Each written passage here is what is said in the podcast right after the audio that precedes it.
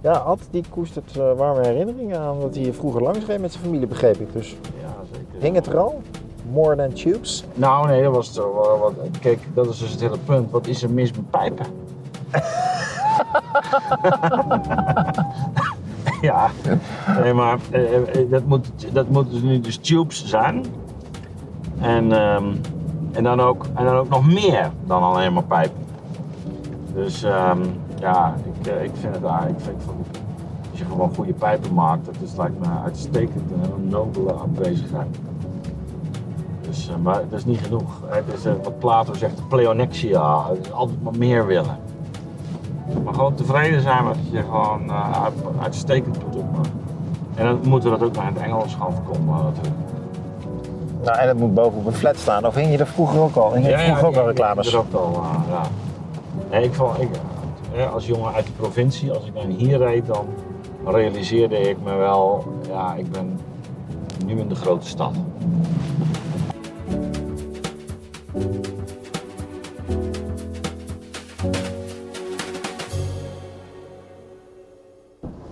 Welkom bij de Nieuwe Wereld. Verdiepende gesprekken in een tijd van verandering. Ik zit samen met Ad en Wouter aan de camera in de auto terug van de oratie van Stine Jensen over wat publieksfilosofie is. Nou Ad, het was natuurlijk inspirerend om maar überhaupt iemand te horen filosoferen over wat nadenken is voor een groter publiek.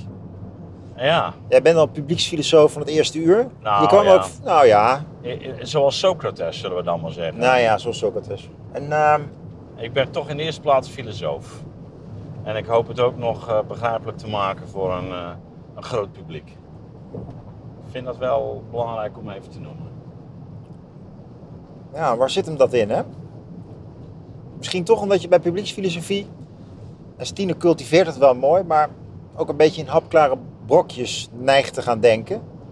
Terwijl als filosoof wil je natuurlijk integreren en, en ook eh, toch met voldoende details een breder, breder verhaal vertellen. En voor een breder publiek blijft dat toch moeilijk. Ja, nou ja, en je wil uiteindelijk natuurlijk toch ook de wezenlijke vragen oppakken. En die echt uitdiepen. En niet zozeer of een stukje Hegel toepassen of Aristoteles of eh, wat, wat misschien verhelderend werkt op een bepaalde situatie. Maar echt ja, toch de, vanuit waar de filosofie nu staat, een bepaalde problematiek oppakken. En, maar in mijn geval dan ook wel op zo'n manier dat je dat ook nog in ieder geval qua onderdelen ook eh, weet te presenteren eh, aan, een, aan een breder publiek. Eh, en dat is ook om, om, om nou, omdat voor mij die vraag naar de, eigen wereld, de eigen tijd, dat is ook wat mij drijft. En, en wat tegelijkertijd natuurlijk een, een, een relevantie heeft voor een publiek. Dus zo zie ik het meer. Ik ben met mijn onderwerp bezig, wat een relevantie heeft voor het publiek. En in die zin je bezig met een publiek. Maar het is niet, oh, ik moet een publiek bereiken met filosofie. Dat is, dat is eigenlijk precies de omgekeerde beweging. Ja, mooi scherp gezegd. Eh, ik denk dat Stine het nog wel met ons eens zal zijn hoor. Maar het klopt, er is wel een accentverschil voor haar. Ja, ja, ja dus de, de, de, de vraag eh, be- betreft gewoon eh, de eigen tijd. En ook, ook, laten we zeggen, vanuit de traditie, hè, waarin je toch aansluiting zoekt en ook, ook naar nieuwe wegen zoekt om dat eh, te, te articuleren. Wat ik wel interessant vond ook aan haar bijdrage, is dat ze eigenlijk startte met ehm, eigenlijk die, die opmerking dat die publieksfilosofie ergens ook moet ontregelen. Nou ja, ik kan zeggen dat dat zie je voor een deel bij Socrates al, wanneer hij die vragen stelt op de, op de agora, hè, op de markt, op het marktplaats. Eh, eh, waarin mensen uiteindelijk ook eh, ja, met de mond vol tanden komen te staan. En, en dat hij eigenlijk een, vraagstuk doorexerceert. Dus, dus wat is moed? Of wat is rechtvaardigheid? Of wat is dan die goede staat? En eigenlijk zo doorvragend en mensen eigenlijk met hun eigen onwetendheid confronteert, maar daarmee ook een soort ontvankelijkheid eh, eh, schept. Maar wat denk ik bijzonder is aan de huidige situatie, en ik vond dat ze daar misschien iets te weinig over heeft gezegd, Hè, dat we eh, merken hoe, moeilijk het eigenlijk is om bepaalde zaken überhaupt aan de orde te stellen. En dat is denk ik, nou ja, misschien ook wel een overeenkomst trouwens hoor. Want bij, Socrates speelde dat ook. Hij is uiteindelijk zelfs ter dood veroordeeld, laten we dat niet vergeten. Maar dat we natuurlijk ook wel zien, gewoon nu, hè, dat ze had het over, ja, filosofie moet wat ontregelen. Ja, maar wat als dat eigenlijk niet meer wordt toegestaan? Als bepaalde zaken hè, rond eh, eh, gevoelige thema's, hè, of het nou eh, oorlog is met Rusland, corona, het genderdebat, dat dat heel moeilijk nog is om daar überhaupt een gesprek over te voeren. En ik denk dat dat, ehm, nou ja, dat, dat, dat, en, en- Ja, dat dat echt iets is wat, wat nu onderdeel is van de, van de vraag eigenlijk. Het klimaat waarin je überhaupt op dit moment nog bepaalde zaken ter discussie kunt stellen en met elkaar kunt bespreken. En da- daarover moeten we eigenlijk in de eerste plaats nadenken. Wat, wat is hier eigenlijk gaande momenteel? Nou ja, goed, was even eerst. eh, maar hoe. Nou ja, door, door filosoferend op wat jij zegt. Ik denk dat... ehm hey, daar heb je Van Leeuwen weer. Ja, More than tubes. more than tubes. dat, dat er is best wel, ook, ook nog best wel echt ehm, kritiek en ehm, er zijn nog bronnen om te filosoferen op televisie over, over macht en onderdrukking enzovoort. En ook, ook zeker wel over, eh, eh, over corona nu inmiddels. Maar het is allemaal alsof de kritische dialoog meer wordt geïnterpreteerd als... Nou, dan kunnen jullie daar ook even eh, jullie hart luchten de Mhm. media als ontluchtingsventiel. En niet alsof dat soort gesprekken nou ook werkelijk serieus worden genomen en mensen misschien op andere gedachten kunnen brengen. Dus of we echt naar elkaar luisteren, dat zegt Byung-Chul Han natuurlijk ook mooi. Van, er is een luistercrisis, maar er is geen communicatiecrisis. Dus Siebe Schaap die vertelt bij ons bij de, van de, wereld, bij de, bij de Nieuws van de Week uitgebreid over hoe hij naar eh, Rusland kijkt. Hij, het lijkt alsof hij helemaal niet luistert naar wat wij daar tegen inbrengen. En dan botst ook het niet luisteren naar elkaar. Ik, ik vind dat vaak als ik eh, de tv aanzet of eh, de krant lees. Er zijn allerlei dingen die helemaal niet bespreekbaar zijn, maar voor zover ze wel bespreekbaar zijn en dan optimistisch ben, dan valt me wel op, ja, ja het wordt wel gezegd, maar het lijkt wel alsof het, ja, alsof het daar dan ook bij blijft en de wereld gewoon maar door blijft denderen. Ja, nou is dat natuurlijk voor een deel van alle tijden. Ja, misschien is het wel nu helemaal niet erger dan, dan het Nee, voorheen de, was. de katholieken en de protestanten die luisterden vroeger ook niet naar elkaar. Hè? En ik denk dat in, eh, eh, in bepaalde eh, fasen van de geschiedenis eigenlijk die onderlinge vervreemding of verstomming ook optreedt. En dat dat dan mm, ook, ook een teken is van eigenlijk een- nou, misschien wel een, een, eh, dat het conflict een andere vorm gaat aannemen. Hè, dus dus eh, je kan ook zeggen, ja, waar we nu in verkeren is misschien zelf ook een indicatie voor, eh, nou ja, voor politieke verschuivingen waar, waar we misschien nog helemaal nog niet zo op bedacht zijn, maar wat je nou ja, misschien in het Oostblok hebt gezien, eh, toen, toen het einde van het communisme daar was, of eh, wellicht in eh, Zuid-Afrika, toen het einde van de apartheid daar kwam, of wat je, dus dus dat, dat, dat, het feit dat, het, dat dat gesprek niet meer lukt, ook een onderdeel is van de, van de transformatie waar je in zit. Dat op een gegeven moment het ook niet meer met woorden wordt beslist, maar op andere manieren. Dat mensen letterlijk het zwijgen wordt opgelegd of eh, dat, dat er naar andere middelen wordt eh, gegrepen. Ja, ik bedoel, ik, ik, ik, hoop nog niet dat we de- daar al zijn, maar dat, dat voel je, die mogelijkheid is er ook. Dat, dat, dat was denk ik ergens ook bij corona ook, eh, ook, ook voelbaar. Van, eh, en, ik, en ik denk wel dat ehm, als je kijkt ook naar de, naar de politieke dynamiek op dit moment, hè, dat, eh, dat we in een, ja, in een on, ondialogische tijd zitten, om zo maar te noemen. Ja, ik, ik denk ook dat als je bijvoorbeeld nu kijkt naar de, de, de kabinetsformatie, dat een heel, heel reële uitkomst lijkt mij. Dat eh, de belangrijkste politieke voormensen, de, de, de partijleiders, Caroline, eh, Pieter, Geert, dat die een soort zakenkabinet deal sluiten. Met Plasterk aan de spits. En dat zij zelf in de Kamer blijven. En eh, dat daarmee een soort van toch weer een soort managementpolitiek eh, opkomt in een volgende fase. Waarin ook allerlei grote discussies ook uit de weg worden gegaan, omdat men het toch niet meer met elkaar eens is. Het gevaar van een situatie waar je het niet met elkaar eens bent, dat je doorgaat op de hele smalle weg waar je elkaar nog wel kan vinden. Nou, een soort... eh, En dat, dat, dat je toch de onorthodoxe maatregelen die nodig zijn, ja, die je die eigenlijk niet durft te nemen, dat je het land ook regeer wil- ge- regeerbaar wil houden, dat je dus eigenlijk toch een Rutte 5 krijgt in een andere kleur. Ah, ja, ja, een soort, soort slecht huwelijk. Eh, dat een leefbare vorm heeft eh, gekozen door eigenlijk over de pijnpunten maar niet meer te hebben.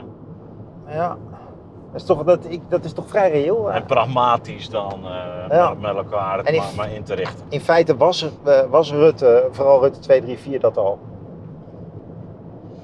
Ja, dat was al voor een deel. en dat is ook natuurlijk de depolitisering.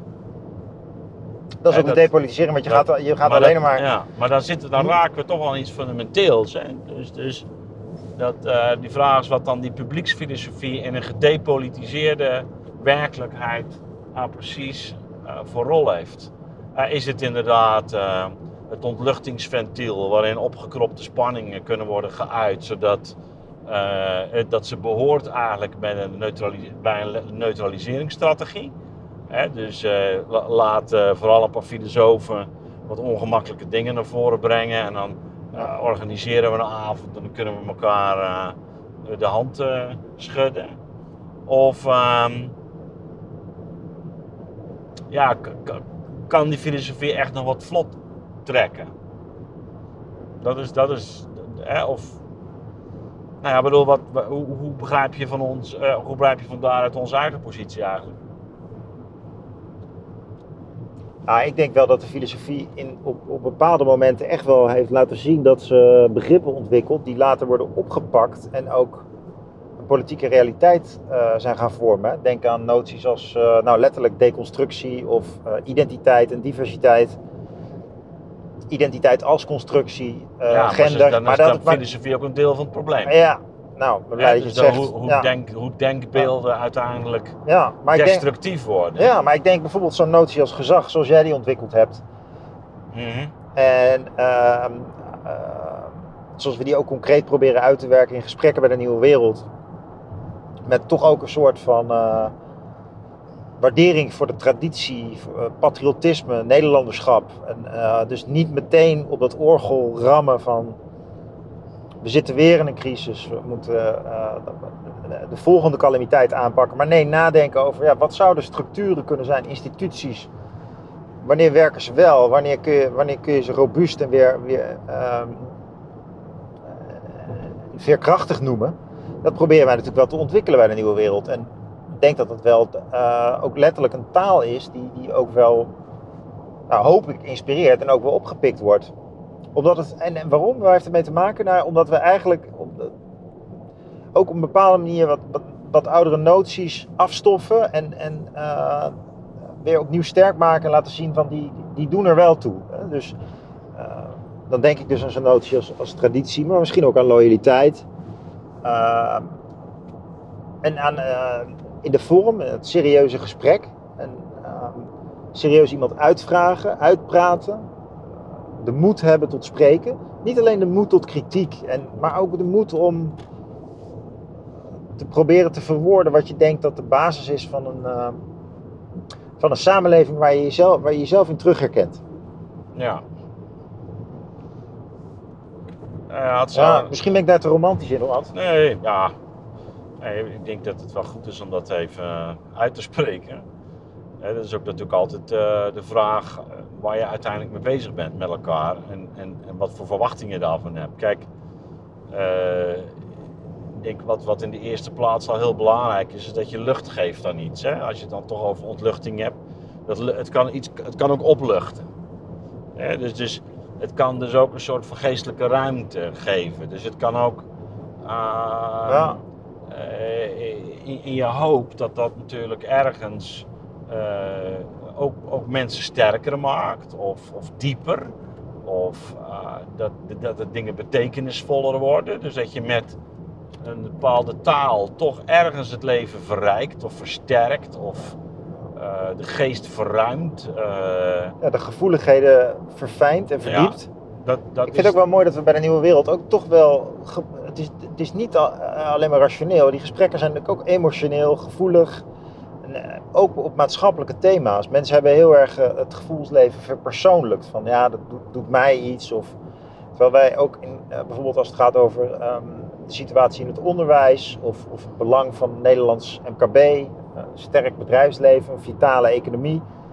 Door daarover te spreken, ook in, met, met, een- met een gevoeligheid, leer, leer je ook dat, je, dat, dat dat ook te maken heeft met dat als je dat niet benoemt dan, en er niet voor opkomt, ja, je het helemaal allemaal opofferen op het eh, altaar van Amazon. Dus juist door dat ook te verrijken op die manier, warmte te geven. Nou, dat is wel grappig, want zij zei, eh Stine begon natuurlijk met die eh, vergelijking met Plato over, eh, dus ik ben er op dit moment ook mee bezig trouwens, met die, dus, e- dus de eros, eigenlijk eros epithemia, dat is het verlangende deel van de ziel. En de logos, de, de, en dat, daarnaast is het als derde eh, instantie de thumos door Plato wordt geïntroduceerd. Hè? De, het, het gemoed of de vurigheid eigenlijk. Hè? En, eh, en, en hoe, hoe ehm, eh, die, die vurigheid, dat is eigenlijk ook het, eh, het vermogen waarmee we dingen gaan verdedigen, die voor ons van, van waarde zijn. Hè? Dus waar we ontzag voor hebben, die we eerbiedigen. heeft eigenlijk met die gezagsthematiek ook Ja, ja. ook te maken. Hè, dat is, eh, hij zegt ook letterlijk, het is een, eh, eh, ja, eigenlijk dat waar, waarvoor we zeker ja, eerbied hebben. Hè, dat is, dus dat zit ook in, de, in die tumos. En dat is ook een, een, een, een, een hogere soort, je zou kunnen zeggen, gevoelsfaculteit dan eh, eh, het, het loutere lustgevoel of het, eh, het, het, het, het loutere verlangen. Dus er zit een idee in van, of kan er in ieder geval in zitten, ook van dat wat, waarvoor ik wil vechten. Dat wat ik, waar ik mezelf ook dienstbaar voor opstel. En nou ja, je zou kunnen zeggen, op een bepaalde manier proberen wij ook wel dat Timotische, denk ik, te ontwikkelen. Van, van wat is nou, wat gaat ons aan het hart? Weet je wel? Ja. Wat, wat kun je het hart laten spreken, niet als louter, maar dat wat, ja, wat een zekere, eh, wat een zekere achting verdient. Of, eh, Ja, en navolging. Ja, en of een, wat, wat eerbiedigd moet worden, om het dan maar eens met een oud woord eh, te zeggen. Maar iets, iets van een soort eh, gevoeligheid daarvoor. Nou ja, dus misschien zijn we ook al bezig met eh, wat, wat, wat, wat bij Plato dan de musica noemt. Hè? Het soort, soort eh, de muze. Eh, een soort van gesprekken waarin je ook, ook de, ja, de verbeelding zijn werken laat doen. Het, het gevoelsleven inbrengt. En, eh, en ik denk dat dat wel een aspect is wat binnen heel veel academische reguliere filosofie, heden ten dagen, heel ver te zoeken is. Die, die afstemming op, op dat Timotische eh, aspect. ja. ja, in die zin is het wel gek dat er een, ooit een existentialisme is geweest in de filosofie. Ja, Dat is helemaal verdwenen. ja, dus- of, ja, of het is ook een theoretische aangelegenheid geworden. Ja, dat je gaat nadenken over wie ben ik. Terwijl wij ook een zekere eh, liefde voor de wereld volgen.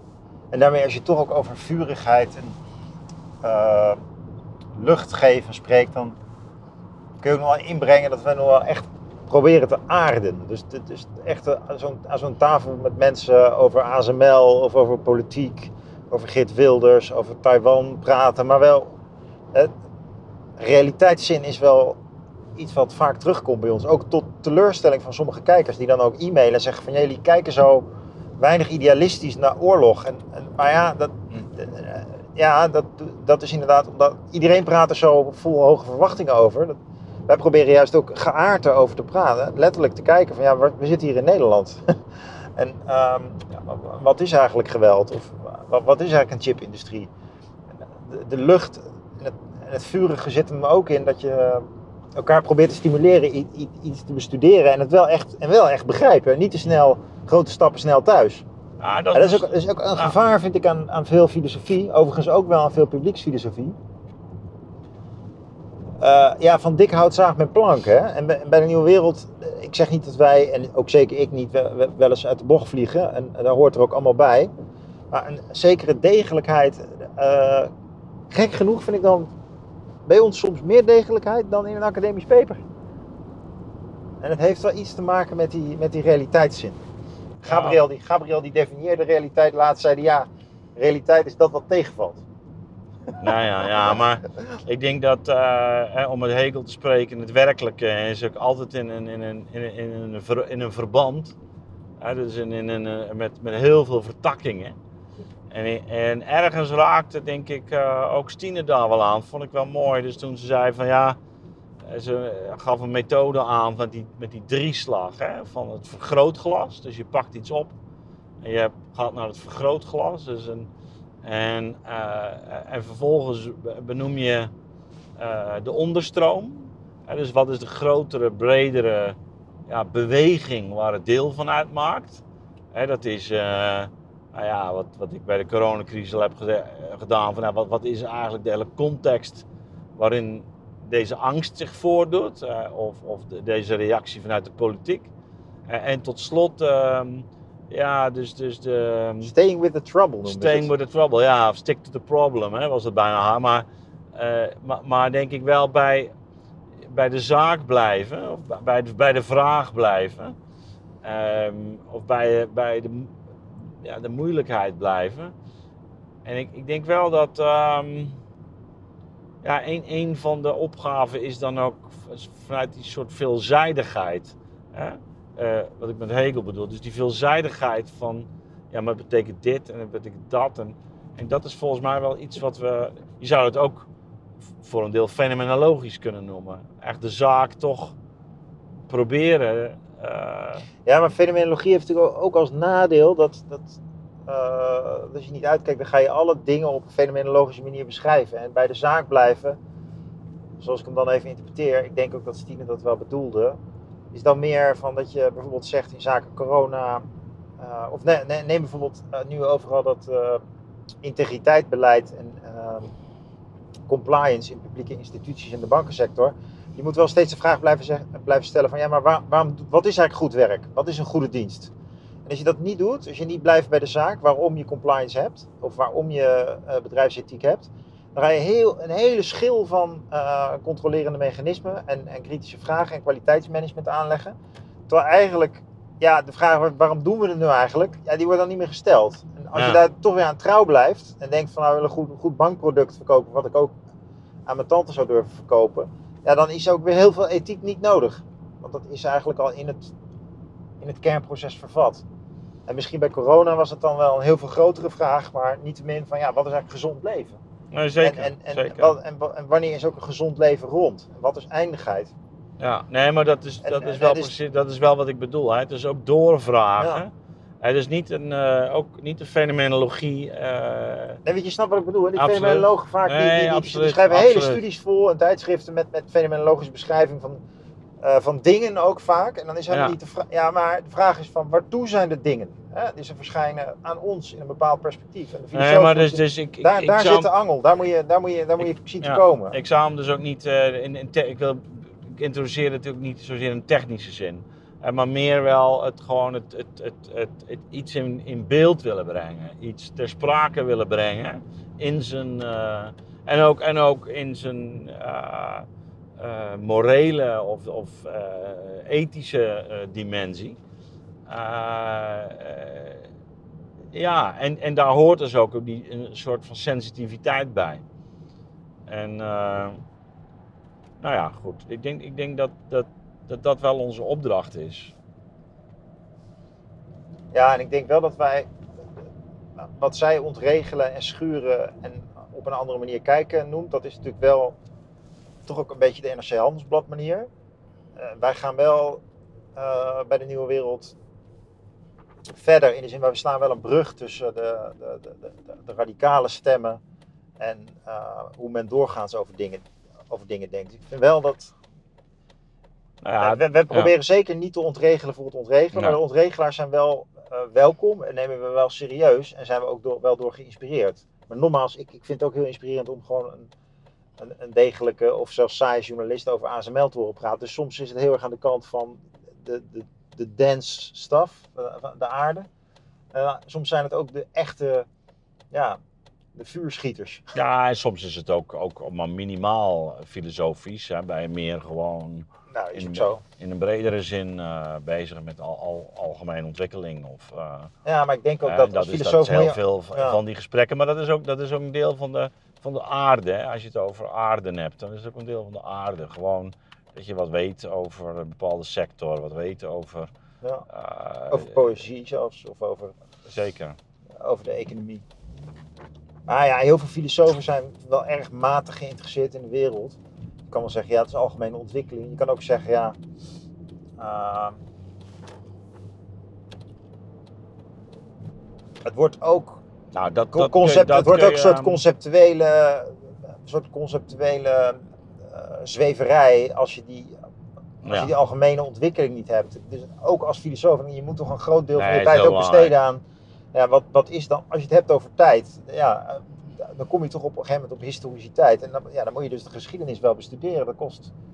Dat is, een, dat, is een, dat, is een, dat is een aandachtsinvestering. Als je die niet maakt, ja, dan, dan is het ook heel ingewikkeld om te spreken over maatschappelijke onderstromen.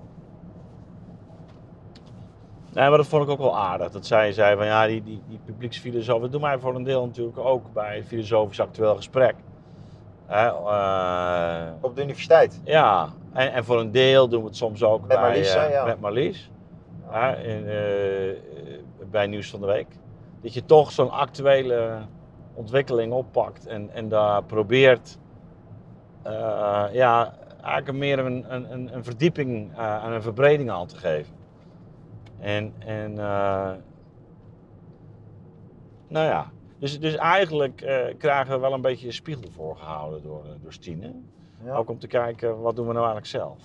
Toch? En, en ja, Ja, ik denk ook wel dat we, we kunnen ook wel, aan, we kunnen ook wel aangeven dat we denk dat wij de geschiedenis, als je het hebt over onderstromen, wat zijn dat, dan nemen we de geschiedenis serieuzer, denk ik wel. Ja. En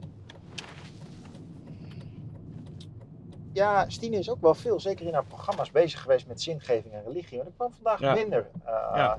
minder naar voren. Had ik eigenlijk wel verwacht. Ze heeft, ze heeft wat dat betreft het vraagstuk van betekenis wel ingewisseld voor het vraagstuk kind. ja. Ze, wil, ze wil de jonge geest ontvankelijk maken voor de filosofie en dat is een nobel, nobel streven. Terwijl misschien betekenis en zin heeft ook weer meer te maken met volwassenheid en eh, ouderdom. Overigens, ze maakt ook de, eh, uitzendingen over dingen als echtscheiding en zo. Dus dat, je kan niet alles in je oratie eh, terugvertalen. Maar dat is eigenlijk wel, nu ik erover nadenk, iets wat ook bij de Nieuwe Wereld wel vaak eh, op de voorgrond komt. Ja, hoe verhouden de thema's die we aansnijden zich tot ja, de grote vragen? Waarom zijn we hier op aarde? Wat moeten we doen? Waar wil ik, ja, hoe wil ik leven? Waar wil ik me voor opofferen? Ja, dat bedoelde ik een beetje met het Timotische element. Ja, en dat, dat, dat, dat heeft ze in die zin snijdt haar filosofie toch, toch die betekenislaag nog niet, niet, niet zo diep aan. Nou ja, niet in haar uitleg. Ik bedoel, ik heb wel een paar uitzendingen van Ja. haar gezien die daar, eh, die daar absoluut aan raken. Ja, ze heeft ook die, in haar persoonlijkheid draagt ze dat ook wel Ja. uit. Maar in deze, in deze methodologische uitleg van het vergrootglas, de onderstroom en sticking to the problem. Sticking to the problem kan ook tussen jou en God en inkomen te staan. Hè? Ja, ja zeker ja. Even kijken. Ja, daar zijn we alweer in Leiden. was een leuk middagje, jongens. Nou, Ja, toch? benieuwd wat jullie ervan vonden. Deze korte uiteenzetting. Over wat filosofie is. Toch meer dan publieksfilosofie, denk ik. Zeker weten.